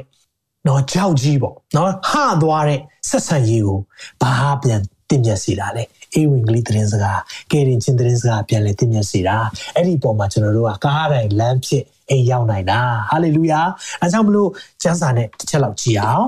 မပြောထားလဲဆိုယောမ30အငယ်14ဒီမှာဒီလိုပြောပါတယ်တို့ရသွင်းမယုံကြည်လဲအဘယ်သို့ပထနာပြုနိုင်မည်နီမယုံဘူးဆိုရင်ဘယ်လိုဆုတောင်းမလဲတဲ့သတင်းမကြားလဲအဘယ်သို့ယုံကြည်နိုင်မည်နီဟောပြောသောသူမရှိလဲအဘယ်သို့ကြားနိုင်မည်နီမိတ်ဆွေသင်နဲ့ကျွန်တော်ပြောနေတယ်လူကိုမစေလွတ်လဲအဘယ်သို့ ဟောပြောနိုင်မည်နီထို့သောနှင့်အညီကျမ်းစာလာသည်ကငြိမ်သက်ခြင်း၏ဝမ်းမြောက်စရာတည် ကောင်းကျိုးချမ်းသာဤဟောအဲ့မှာသုံးပြီနော်ငြိမ်သက်ခြင်းရဲ့ဝမ်းမြောက်စရာတည်ကောင်းကျိုးချမ်းသာဤဝမ်းမြောက်စရာတည်ကိုကြားပြောသောသူဤခြေတို့သည်ဘာဖြစ်တယ်လို့ပြောလဲအလွန်တင့်တယ်စွာတကားဟုလာသည်ဟာလေလုယာဒီယောမကိုပြောတဲ့အချိန်မှာရှင်ပေါလုကဘာနှုတ်ကပတ်တော်ကိုအထူးကိုးကားထားလဲဆိုဟေရှာယ52ထဲကအကြောင်းအရာကိုသူပြန်ပြီးတော့ quote ပေါ့နော်ပြန်ပြီးကျမ်းညွှန်းအနေနဲ့တုံးထားတာဖြစ်တယ် ဒီနေ့ကယ်တင်ချင်းဟောတဲ့သူတွေရဲ့ခြေထောက်သိလှပါတယ်တဲ့အဲ့ဒီခြေထောက်လှပခြင်းကိုတင်စားခြင်းတဲ့အတွက်ညီသက်ခြင်းနဲ့ရှင်တဲ့အေဝံဂေလိခြေစွပ်ကိုဆွတ်ထားပါလို့ရှင်ဘောလူကပြောတာဖြစ်တယ်ဟာလေလုယာဒီနေ့အေဝံဂေလိဆရာတွေကိုဒီနေရာကနေဂုဏ်ပြုခြင်းတယ်နှုတ်ကပတ်တော်နော်အင်္ဂလိပ်ဆရာလို့ပြောတဲ့အခါမှာခရစ်တော်အကြောင်းကိုပြောတော်သူတပါးသူကိုဝေမျှတော်သူအားလုံးကိုပြောတာဖြစ်တယ်။သင်ရဲ့ခြေထောက်သိလှပါတယ်လို့ပြောခြင်းတယ်။သင်ရဲ့ခြေထောက်က သူများတွေလိုတန်ဖိုးကြီးတဲ့ဖက်နဲ့မစီးကောင်းမစီးနိုင်လိမ့်မယ်ဒါပေမဲ့ဖះမြင်ပါလေကျွန်တော်ခွာပေးခြင်းတယ်တင်းရဲ့ brand မစီးနိုင်တာကိစ္စမရှိဘူးတင်းချစ်တော့က brand ဖြစ်သွားပြီ hallelujah ဒီနေ့ကျွန်တော်အဲ့ဒါခွာပေးခြင်းတယ်တချို့တွေဖက်နဲ့စုပ်ပြတ်တက်ပြီးတော့သွားနေတဲ့ဧဝံဂေလိသတင်းဟောကြားတဲ့သူတွေရှိတယ်ခွာပေးခြင်းတယ်အယံမြင့်မြတ်တဲ့အလုပ်ဖြစ်တယ်အယံဒီနေ့ဂုံယူမိတယ်ဖះကလည်းတင့်ကိုအထူး တတိမှချီးမြှောက်လိမ့်မယ်။ဘာကြောင့်လဲတင့်ချစ်တော့သိလှပါတယ်။တင့်ချစ်တော့သိတင့်တယ်ဆိုပြောချင်တယ်။သင်တင့်ချစ်တော့မှာတမိုးကြီးတဲ့အဝတ်စားဝတ်ချင်မှဝတ်ထားလိုက်မယ်။ကာပါလှုပ်ထားမှလှုပ်ထားလိုက်မယ်။တင့်ပစိုးပေါက်ပြင်းနေကောင်ပေးနေလိမ့်မယ်။သင်ဖက်နှက်ပါပြီးတော့သင်ကျူပြန်ချုပ်ထားရင်ချုပ်ထားလိုက်မယ်။ဒါပေမဲ့ကျွန်တော်ဒီနေ့ခွန်အားပေးချင်တယ်သင်အရန်လှပတဲ့ခြေထောက်ပိုင်ရှင်ဖြစ်တယ်ဆိုတာပြောပြချင်တယ်။ဘာကြောင့်လဲ။ကဲတင်ချင်းသတင်းကောင်းပြောနေတာခြေထောက်ကိုကျန်းစာပါပြောလဲဆိုတော့ အလွန်လှပါတယ်အလွန်တင့်တယ်လို့ပြောတယ်ဒီနေ့မှာ 16မှာကြည့်တဲ့အခါမှာသို့တော်လည်းလူပေါင်းတို့သည်ဝမ်းမြောက်စရာတဲ့ကိုနားထောင်ကြသည်မဟုတ်လူတွေမကြားချင်ဘူးနားထောင်ချင်ဘူး prophet Hishaya စကားမူကအိုးသာရဖျာအကျွန်ုပ်တို့ဟောပြောသောသတင်းစကားကိုအဘယ်သူယုံပါသနည်းဟုဆို၏ဘသူယုံပါလဲကျွန်တော်တို့ပြောတဲ့ဟာတွေအဲ့ဒီမှာဖျာနော်ဒီနေ့ပြန်ပြောတယ်တို့ဖြစ်၍ယုံကြည်ခြင်းသည်ကြားနာခြင်းအပြင်ဖြစ်၏ကြားနာခြင်းနဲ့ဖြစ်တယ်ကြားနာခြင်းသည်လည်းဖျာသခင်၏စကားတော်အပြင်ဖြစ်တယ်ဒီနေ့များများကြားဖို့လိုတယ်ဒီနေ့အတင်းစကားများများကြားအတင်းကိုယုံတယ်ဒီနေ့လေမကောင်းတဲ့စကားများများကြားမကောင်းတာယုံတယ်ဒီနေ့လေမသိဘူးတဲ့လူတယောက်အကြောင်းတပုတ်ချလွယ်လင့်တော့ပြောကြားအဲ့ဒါကိုယုံတယ်ဒီနေ့လူကမပြည့်စုံပါဘူးဒါမှကျွန်တော်ခွန်အားပေးခြင်းတယ်လူကမပြည့်စုံပေမဲ့လေအဲ့ဒီမပြည့်စုံတဲ့သူတယောက်အကြောင်းကိုလေသင်အားလုံးမကြားပဲနဲ့တချို့တော့ version အမျိုးမျိုးနဲ့ကြားရင်ကြားလိမ့်မယ်ဒါမှကျွန်တော်ပြောပြခြင်းတယ်ယုံကြည်ခြင်းကကြားနာခြင်းနဲ့ဖြစ်တယ်ဆိုတော့လေဘာကြားဖို့လို့လဲတမန်တရားကြားဖို့လို့လားတမန်တရားကြားရင်လေဖျားပေါ်မှာယုံကြည်ခြင်းပုံများတယ်ဘာကြောင့်လဲကျွန်တော်ယုံကြည်ခြင်းကလေတမန်တရားပေါ်မှာယက်တည်တာအဲကြောင့်ကျွန်တော်နှုတ်ဘတ်တော်ဟောဖို့လေနားထောင်နိုင်မဲ့သူတွေရှိဖို့အမြဲဆုတောင်းတယ်ဘာကြောင့်လဲသိလားဒီနှုတ်ဘတ်တော်တွေများများပြောများများကြားရင်လေသင်ဖျားနဲ့ ဖျားပုံမှာယုံကြည်ခြင်းပုံများလာတယ်။ထိုနည်း၎င်းပဲတင်းရဲ့ကြားနေတဲ့အရာအစဲဆူတွေဒီနေ့ပြောဆိုတဲ့အရာလောကအရာတွေများများကြားလောကရဲ့ဆိုင်တဲ့အရာတွေကြားကာမဂုဏ်စည်းစိမ်တွေအကြောင်းများများကြားရင်လေအဲ့ဒီအရာပေါ်မှာစိတ်ပူရောက်သွားတယ်။ဘာကြောင့်လဲယုံကြည်ခြင်းဟာကြားနာခြင်းအပြင်ဖြစ်ပွားတယ်။ဒါကြောင့်မလို့ဒီနေ့မှာသူ ဝန်ခံရအောင် comment ထဲမှာဝန်ခံရအောင်နှုတ်ကပတ်တော်ကိုမြဲမြကြဖို့ဆုံးဖြတ်တယ်လို့ယင်ဝန်ခံရအောင် hallelujah နှုတ်ကပတ်တော်ကိုမြဲမြကြဖို့ဆုံးဖြတ်တယ်လို့ဒီနေ့ဝန်ခံရအောင်ဆက်ပြီးတော့ကြည့်အောင်နော်ကြားနာခြင်းတွေလည်းဘုရားသခင်စကားတော်အပြင်ဖြစ်တို့ရတွင်လူအပေါင်းတို့သည်မကြားရကြပြီလောအမှန်ကြားရကြပြီသူတို့၏အတန်သည်မြေတစ်ပြင်လုံး၌ပြန်နိုင်၍သူတို့၏စကားသည်မြေကြီးစွန့်တိုင်အောင်ရောက်လေပြီအာမင်ဒီနေ့ ဘုရားရဲ့ကြီးစုတော်ကြောင့်အခုလိုမျိုး technology တွေကောင်းလာတဲ့အခါမှာကျွန်တော်တို့ရဲ့နှုတ်ပတ်တော်တွေအများကြီးကိုရောက်လာတယ်။နေရာအများကြီးကိုသွားတယ်။အဲကြောင့်မလို့လေဖာနာတွေအထူးကျေးဇူးတင်တယ်။ပါဝင်တဲ့အရာတွေအထူးကျေးဇူးတင်တယ်။ဝေမျှပေးတဲ့လူတွေအထူးကျေးဇူးတင်တယ်။သင်မဟောနိုင်ဘူးသိတယ်။တခါလေသင်မပြောတတ်ဘူးသိတယ်။လုပ်လို့ရတာရှိတယ်။သင်မှာပါဝင်နိုင်တဲ့အခွင့်အလမ်းအများကြီးရှိတယ်။နောက်ဆုံးရိတ်သိမ်းပွဲထဲမှာသင်နဲ့ကျွန်တော်လက်တွဲခြင်းတယ်။သင်နဲ့ကျွန်တော်နဲ့အတူတကွ သခင်ရဲ့ရှေ့မှာတာသူသစ္စာရှိသောငယ်သားကောင်းဖြစ်အပြောမခံချင်ဘူးလားဒါကြောင့်ကျွန်တော်တို့တွေအများကြီးလှုပ်ရှားနေအများကြီးရှိတယ်အများကြီးလှုပ်နိုင်မယ့်အရာတွေရှိတယ်အဲကြောင့်မိတ်ဆွေဒီနေ့ကစီမနေပါနဲ့ like နဲ့ share တွေတော့ကျွန်တော်တို့တစ်ခါလေးကစီနေတတ်တယ်ကိုဟောရတာပြောရတာမဟုတ်ရင်တော့ like နဲ့ share ဖို့တော့မလုပ်ချင်ကြအောင်ဒီနေ့အဲ့လိုမျိုးမလုပ်ပါနဲ့ဒီနေ့သတင်းစကားတွေကဘာအနှံ့ပြားမှာကြားဖို့ဖုန်းမရှိတဲ့လူမရှိသလောက်ဖြစ်သွားပြီ အဲ့လိုဖြစ်တဲ့အခါမှာကျွန်တော်တို့တွေနှုတ်ပတ်တော်တွေတခုခုသတင်းစကားတခုခုကြားရင်ဝင်ပြပါအာမင် share ပါအဲ့လိုဖြစ်တဲ့အခါမှာလူတွေနှလုံးသားထဲမှာတခုခုကြားတဲ့အခါမှာဖះပေါ်မှာယုံကြည်ချက်ပုံများလာမယ်လို့ပြောပြခြင်းတယ်ဟုတ်ပြီနော်နှုတ်ပတ်တော်နောက်တစ်ခုကြည့်အောင်ဘာလို့ငြိမ်သက်ခြင်းနဲ့ရှင်တာလဲဒီရဲ့ အေဝင်လီသတင်းစကားပြောပြမယ်။ဟေရှာယ9အငယ်6နဲ့ခေါ်ဒါခရစ်စမတ်ကာလမှာမဲရန်ကြားရတဲ့နှုတ်ပတ်တော်ဖြစ်တယ်။ဒါမဲ့ကျွန်တော်နားလဲစေခြင်းတယ်။ခရစ်စမတ်အတွက်ပဲမဟုတ်ပါဘူး။အချိန်တိုင်းအတွက်ဖြစ်တယ်။အငယ်6မှာအကြောင်းမူကားငါတို့ဖို့တငယ်ကိုဖွားမြင်ဘသူကိုပြောတာလဲသခင်ယေရှုဖြစ်တယ်။ငါတို့အားသားကိုတနာတော်မူ၏ထိုသူသည်အုပ်ဆိုးခြင်းအာနာဆက်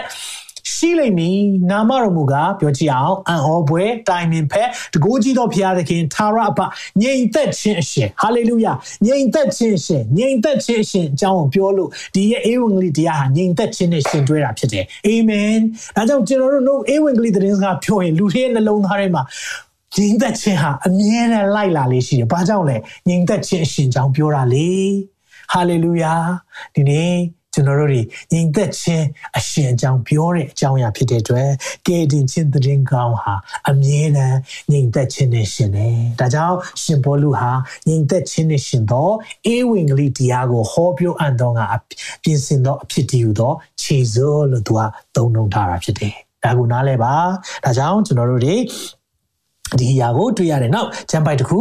ပေးခြင်းပါတယ်ဟေရှာယနှစ်ထဲမှာဘလောက်ညီသက်ခြင်းအရှင်အုပ်စုတဲ့ခါညီသက်မလဲသိလား အာဆရာဒေးဗစ်ကင်မီအခုချိန်မှာကြည်လိုက်ပါဦး TV ဖွင့်လိုက်ရင်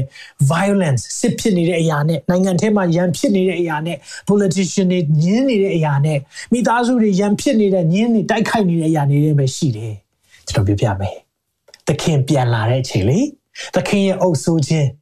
လာတဲ့အချိန်မှာဒီအရာတွေအကုန်ပြောက်မှာ ဟာလေလုယာအဲ့ဒါကျွန်တော်တို့ရဲ့မျှော်လင့်ချက်။အိုးဖခင်ရဲ့စိုးစံမဲ့ကာလဒါကြောင့်ကျွန်တော်တို့အမြဲတမ်းဆုတောင်းတာနိုင်ငံတော်တည်ထောင်ပါစေ။နိုင်ငံတော်တည်ထောင်ပါစေ။နိုင်ငံတော်တည်ထောင်ပါစေ။အလိုတော်ဒီကောင်းကင်ဘုံမှာပြည့်စုံတဲ့ကဲ့သို့မြေကြီးမှာပြည့်စုံပါစေ။အဲ့ဒီကာလလာတော့မှာဟာလေလုယာအဲ့ဒီကာလလာတော့မယ်။ အဲ့ဒီကာလလာရင်ဘာဖြစ်မလဲသိလားဟေရှားပဲကျွန်တော်တို့ကိုကြိုပြီးပြောထားတယ်ဟေရှားနှစ်အငယ်နှစ်နဲ့လေးမှာနောက်ဆုံးသောကာလ၌သာရဖျား၏အိမ်တော်တည်သောတောင်သည်တောင်ကြီးတောင်ငယ်တို့ဤထိပ်ပေါ်မှာချီးမြှောက်၍တည်လိမ့်မည်ခတ်သိမ်းသောလူမျိုးတို့သည်ထိုတောင်သို့စီးဝေးကြလိမ့်မည်လာကြမှာများပြားသောသူတို့သည်လာကြ၏လာကြလော့သာရဖျား၏တောင်တော်ယာကုပ်မျိုး၏ဖျားသခင်အိမ်တော်သို့တက်သွားကြကုန်အံ့လန်ခီတော်တို့ကိုပြသသွန်သင်တော်မူ၍ငါတို့သည်ခြေရတော်သို့လိုက်သွားကြမည်ဟုခီးသွားလက်ပြောဆိုကြလိမ့်မည်တဲ့လူတွေပြောမဲ့အရာကိုကြိုပြောထားတာနော်ဘာတွေပြောထားသေးလဲတရားတော်သည်ဇီးအောင်တောင်မှ၎င်းသာရဖျားနှုတ်ပတ်တော်သည်ယေရုရှလင်မြို့မှ၎င်းပေါ်ထွက်လိမ့်မည်ယေရုရှလင်မှာခရစ်တော်အုပ်ချုပ်မဲ့ကာလကိုရည်ညွှန်းပြီးပြောထားတာဖြစ်တယ် သာရဖျားသည်လူမျိုးတို့တွင်တရားစီရင်၍များပြားသောလူတို့ကိုစုံမတော်မူသဖြင့်သူတို့၏ဓာလက်နဲ့များကိုထွန်သွားဓာတွေအလုံးသူတို့လေထွန်တဲ့ကိရိယာတွေနော်ထွန်သွားဖြစ်စေခြင်းက၎င်းလှံများကိုဒဇင်ဖြစ်စေခြင်းက၎င်းထုလုပ်ကြလိမ့်မည်တပီကိုတပီစစ်မတိုက်စစ်အတက်ကိုလည်းနောက်တစ်ဖန်မသိရကြဟာလေလုယာဒီစစ်မဲ့ဘေးတွေ ဘယ်ချိန်ပျောက်သွားမလဲညီသက်ချင်းရှင်အုပ်စုရဲ့ချိန်မှာဒါကြောင့်ကျွန်တော်တို့အေးဝင်ကလေးသတင်းစကားပြောတာဒါညီသက်ချင်းတရားပဲညီသက်ချင်း peace the gospel of peace amen ဒီညီသက်ချင်းရှင်လာပြီဆိုရင်လေစစ်တိုက်မဲ့အရာတွေမရှိတော့ဘူးစစ်မဲ့ဘေးတွေမရှိတော့ဘူးစစ်တိုက်မဲ့လက်နက်တွေအားလုံးကဘာဖြစ်သုံးမလဲလေထွန်မဲ့အရာတွေဖြစ်သုံးပါ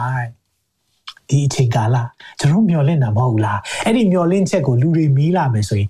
ပြန်ဖြေဖို့အစင်သက်ရှိဖို့လိုတယ်နော်ဒါကြောင့်ကျွန်တော်ရဲ့အသက်တာမှာကြည့်တဲ့အခါမှာကယ်တင်ခြင်းတဲ့ကောင်ငြိမ်သက်ခြင်းနဲ့ရှင်နေဆိုတာကိုနားလည်စေခြင်းနဲ့ဟုတ်ပြီအစဉ်ပြေကြတယ်ထင်ပါတယ်နော်ဟုတ်ပြီကျွန်တော်အချက်အငယ်လေးကိုအာအချက်လေးကိုပြောပါမယ်စိုးရိမ်ပူပန်ခြင်းကတင့်ခီးကိုအနောက်ရှက်ပေးတတ်တယ်စိုးရိမ်ပူပန်ခြင်းကတင့်ခီးကိုအနောက်ရှက်ပေးတတ်တယ်စိုးရိမ်ပူပန်တယ်လူပဲဗျာမပူလို့နေမလား ဒါကြောင့်လေသခင်ကမပူနဲ့စိတ်မပူနဲ့ do not worry เนาะဒီအရာကိုအချိန်ပေါင်းမြောက်များဆိုတာနှုတ်ကပတ်တော်ထဲမှာပြောထားတယ်ကျွန်တော်တို့စိုးရင်တတ်တာ तू သိတယ်။ तू လဲလူဖြစ်လာခဲ့တဲ့လူလေလူစားတိခံတဲ့လူလေသိတယ်စိုးရင်ခြင်းနေပူပန်ခြင်းနေရှိတယ်ဆိုတာသိတယ်။ဒါမဲ့ကျွန်တော်ပြောပြမယ်။အဲ့ဒီစိုးရင်ပူပန်ခြင်းကလေသင်ခကြီးကိုနှောင့်နှင်းစီလိုက်မယ်နော်။စိုးရင်လာပြီဆိုရင်သင်လုံးရမယ့်အရာမလုံးနိုင်တော့ဘူး တွန့်ဆုတ်တွန့်ဆုတ်ဖြစ်လာတတ်တယ်။ဒါပေမဲ့တိတိလေးပဲအဲ့အတွေးလေးတိတိလေးဆိုရင်စိတ်လေးတိတိကလည်းအကြီးဖြစ်တော့ညာမိန်နိုင်တော့ဟုတ်တယ်နော်။ဒီကျွန်တော်ဆိုရင်ချင်းနေကိုရောလက်နိုင်အနံ့ဖို့လိုတယ်။ကျွန်တော် story တခုအဖြစ်ရမှန်တခုပြောပြချင်တယ်။အဲ့ဒါဘာလဲဆိုတော့သူ့နာမည်က Peter Jenkins လို့ခေါ်တယ် Peter Jenkins 1983ခုနှစ်မှာသူဘာလုပ်လဲဆိုတော့ New York ဆိုတာကျွန်တော်အမေရိကအရှေ့ဘက်ကမ်းကနေအနောက်ဘက်ကမ်းယူတန်းအဲ့ဒီ အရာเนาะအရှိအနောက်ဆိုတာဒါတော်တော်သွားရတယ်เนาะဆိုတော့မိုင်ပေါင်းအာကျွန်တော်မိုင်ပေါင်း9000ကျော်မယ်လို့ထင်ပါတယ်เนาะဆိုတော့မိုင်တမှာမယ်เนาะကျွန်တော်အဲ့ဒီဟာတော့မမှတ်မိဘူးဒါပေမဲ့ तू ဒီခရီးကိုသွားတော့က6နှစ်နီးပါးကြာတယ်လမ်းလျှောက်သွားတာဘယ်လိုသွားလဲဆိုတော့ a, a walk across america ဆိုပြီးအဲ့ဒီ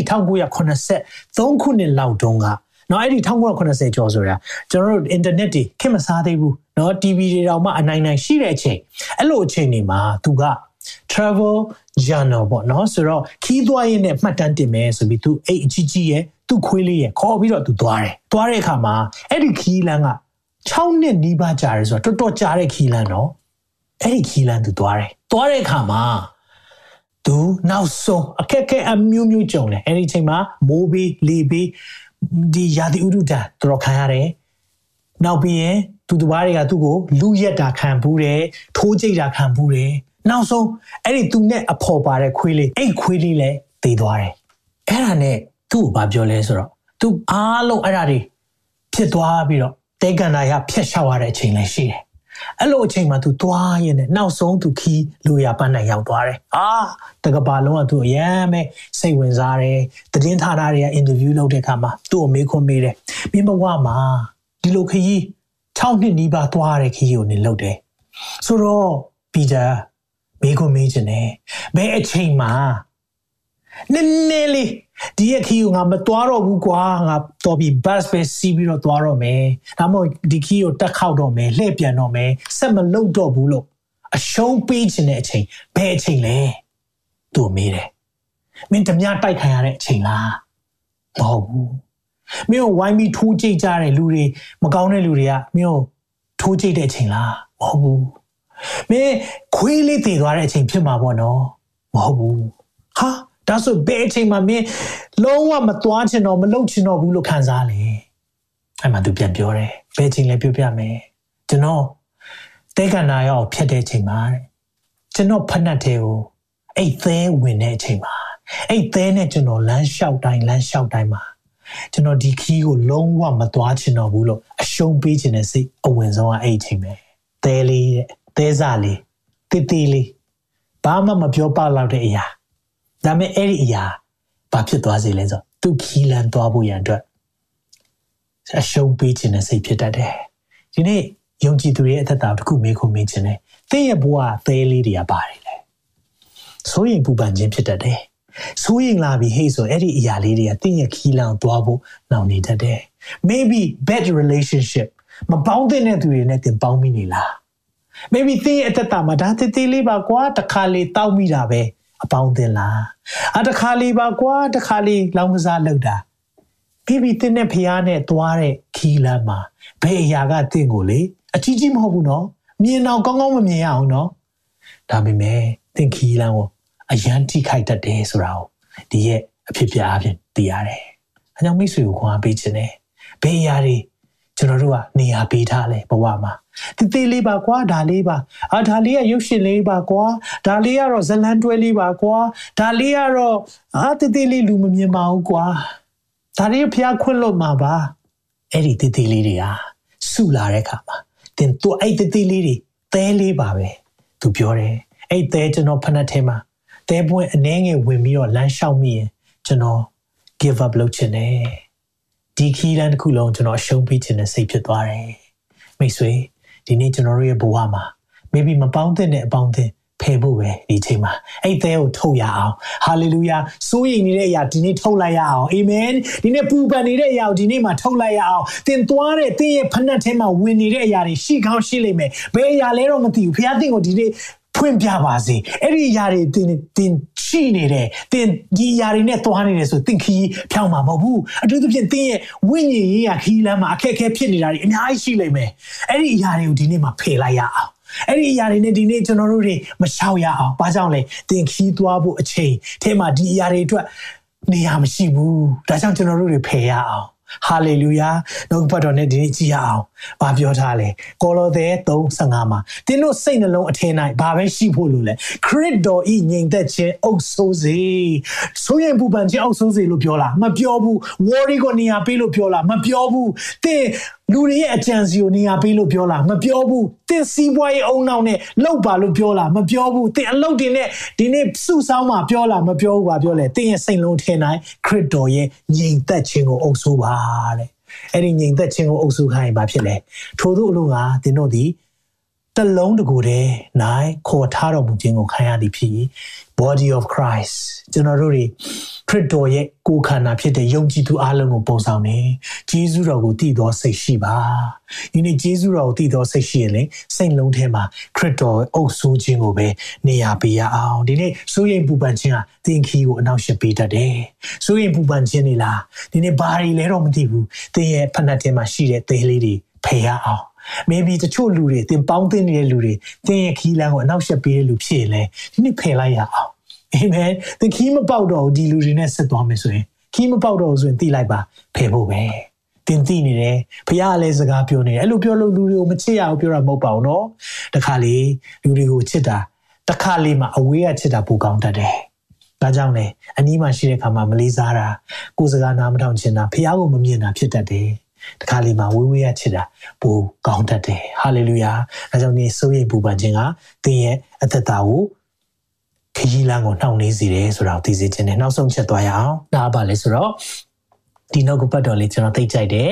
အဲဒါကိုဒီအရင်ဖတ်ရအောင်နော်ညီသက်ချင်းအရှင်ကိုအုပ်စိုးခွင့်ပေးပါငြိမ်သက်ခြင်းရဲ့အရှင်ကိုကျွန်တော်တို့တွေဘဝမှာအုပ်စိုးခွင့်ပေးခြင်းကိုပြောတာဖြစ်တယ်။ဧဝံဂေလိခြေစွတ်စွတ်ပါဆိုတာဘာလဲ။ငြိမ်သက်ခြင်းအရှင်ကိုအုပ်စိုးခွင့်ပေးခိုင်းတာ။ ဖိလိပ္ပိလေးငယ်6ခွန်ဒီနှုတ်ပတ်တော်ကျွန်တော်တို့ခွန်အားအထူးဖြစ်စေတဲ့နှုတ်ပတ်တော်ဖြစ်တယ်။ဘယ်အမှုကိုများစိုးရင်ခြင်းမရှိဘဲအရာရာ၌ဂျေဇုတော်ကိုချီးမွမ်းခြင်းနဲ့တကွာဆုတောင်းပတနာပြုသောအပြင်ဂျေဇုတော်ချီးမွမ်းခြင်း praise ဆုတောင်းပတနာပြုခြင်း prayer praise နဲ့ prayer ဆောင်ထားပါချီးမွမ်းခြင်းနဲ့ဆုတောင်းခြင်းဆောင်ထားပါသင်တို့တောင်းပန်လို့တော့အရာများဘုရားသခင်ကြားလျှောက်ပါအဲ့ဒါဆုတောင်းတာကိုပြောတာထိုးထိုးပြုလေအဘယ်သူမျှကြံ၍မမိနိုင်တော့ဘုရားသခင်ဘာလဲ ငြိမ်သက်ခြင်းဗာလဲငြိမ်သက်ခြင်းဖခင်ရဲ့ငြိမ်သက်ခြင်းဟာယေရှုခရစ်အပြင်သင်တို့ရဲ့ဘယ်မှာမဆာမပြောလဲစိတ်နှလုံးကျွန်တော်စိတ်နှလုံးပဲအရေးကြီးတာစာတန်ကလည်းအဲ့စိတ်နှလုံးကိုတိုက်ခတ်လို့ကျွန်တော်တို့အရင်လက်နဲ့ဖြစ်တဲ့တော့ရင်ဥဒ္ဒစာနဲ့ကာထားဖို့လိုတယ်အဘယ်အမှုကိုများစိုးရင်ခြင်းမရှိနဲ့မစိုးရင်နဲ့တော့တဲ့ခုနသေးတွေဖဲပြီးရင်မလုပ်ရမလဲအရာရာမှာဂျေဇုတော်ချီးမွမ်းခြင်း praise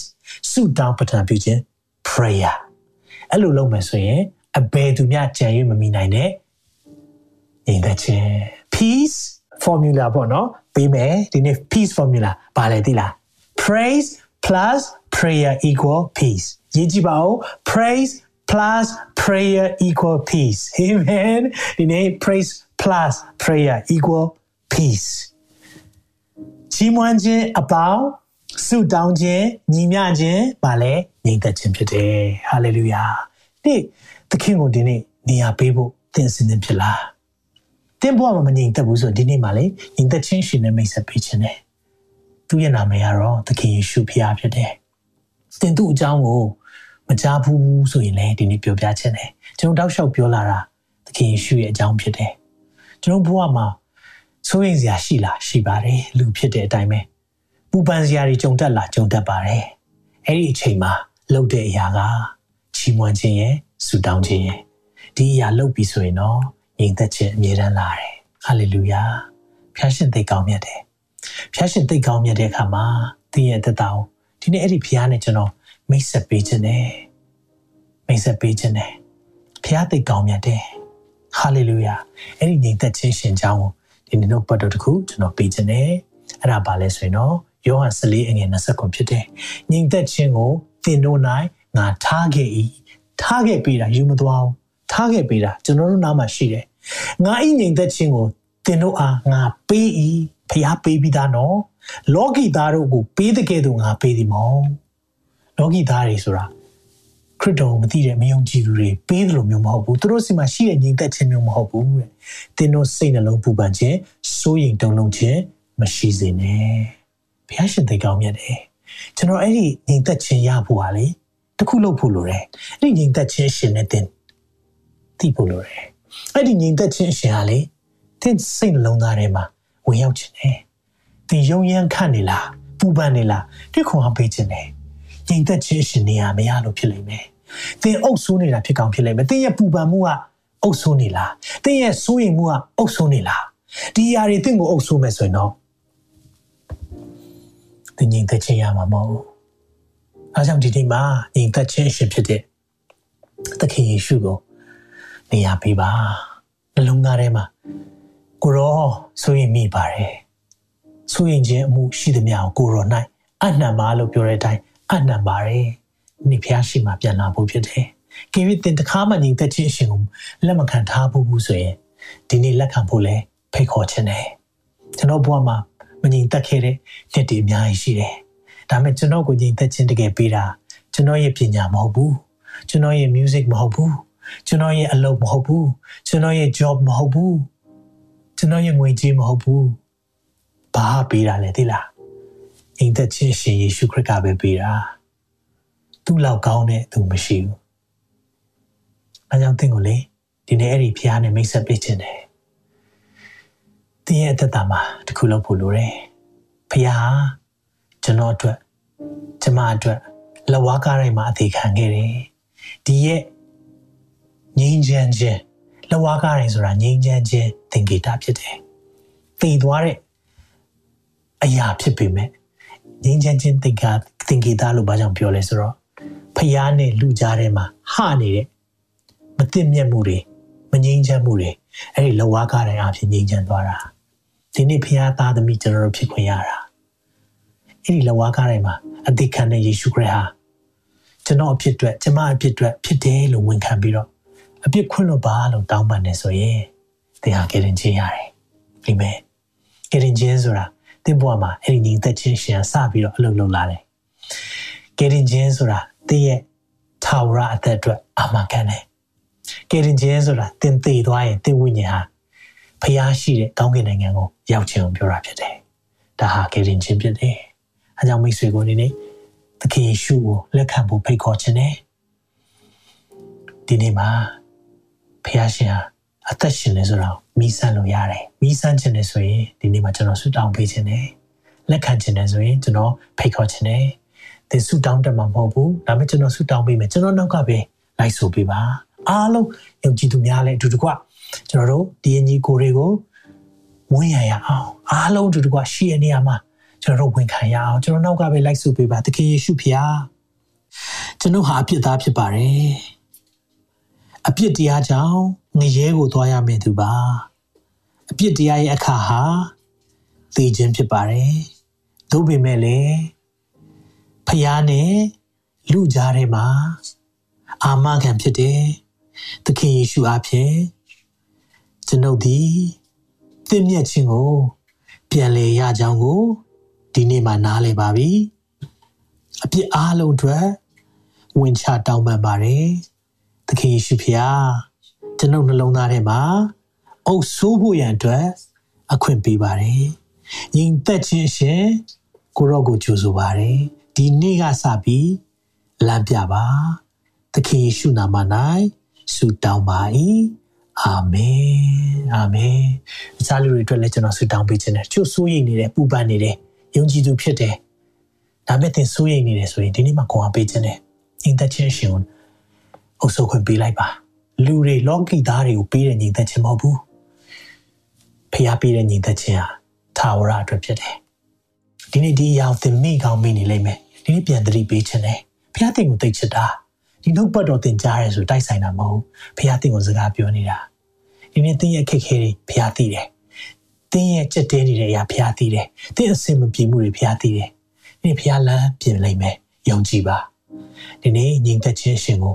ခဏလောက်အကူအညီတောင်းရအောင်ဘုရားရှင်ဒီနေ့ဆိုရင်ပူပန်နဲ့ယုံကြည်သူများအတွက်လည်းဆုတောင်းပေးပါတယ်။သင်တို့၌ဆိုရင်ခြင်းရှိသည်များတို့ကိုကိုရို၌အနံပါလို့ပြောတဲ့အတိုင်းဒီနေ့ပြန်လဲအနံနေကျွန်တော်ဒီဆိုရင်ခြင်းကိုမနှက်ဖြန်အတွက်မဆိုရင်နဲ့မနှက်ဖြန်က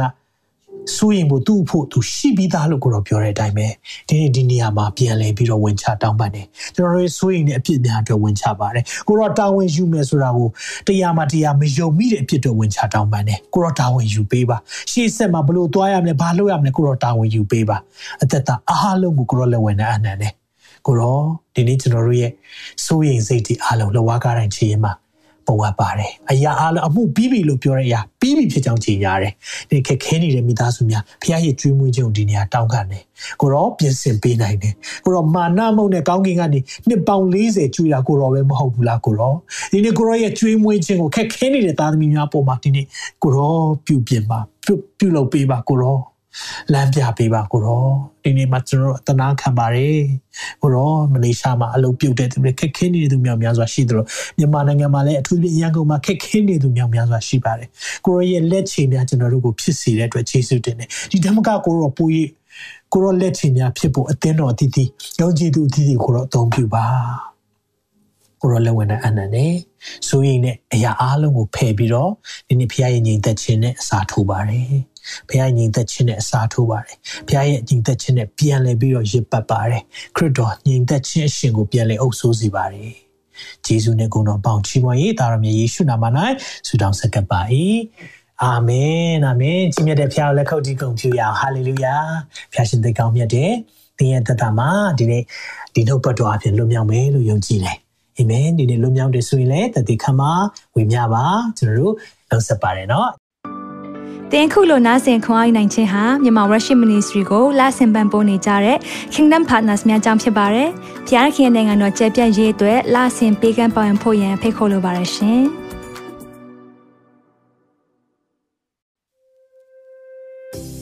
။အခုကြားနာခဲ့ရတဲ့နှုတ်ပတ်တော်အဖြစ်ခွန်အားရရှိမဲ့လို့ယုံကြည်မျှော်လင့်ပါတယ်။ခွန်အားရဆိုလို့ရှိရင်ဒီတစ်ပတ်နဲ့ပြန်လည်ဝင်မြပေးဖို့ရန်တောင်းဆိုပါရစေ။ မြန်မာ Worship Ministry ရဲ့ website myanmarworship.com ကိုလည်းလာရောက်လေ့လာဖို့ရန်အတွက်ဖိတ်ခေါ်ချင်ပါတယ်။တစ်ချိန်တည်းမှာမြန်မာ Worship Ministry ရဲ့ social media platform များဖြစ်တဲ့မြန်မာ Worship YouTube Channel, မြန်မာ Worship Facebook page နဲ့မြန်မာ Worship Instagram များကိုလည်းလာရောက်လေ့လာဖို့ရန်အတွက်ဖိတ်ခေါ်ချင်ပါတယ်။နောက်တစ်ချိန်မှာပြန်လည်ဆုံတွေ့ကြပါစို့။ဖျားရှင်ကောင်းကြီးပေးပါစေ။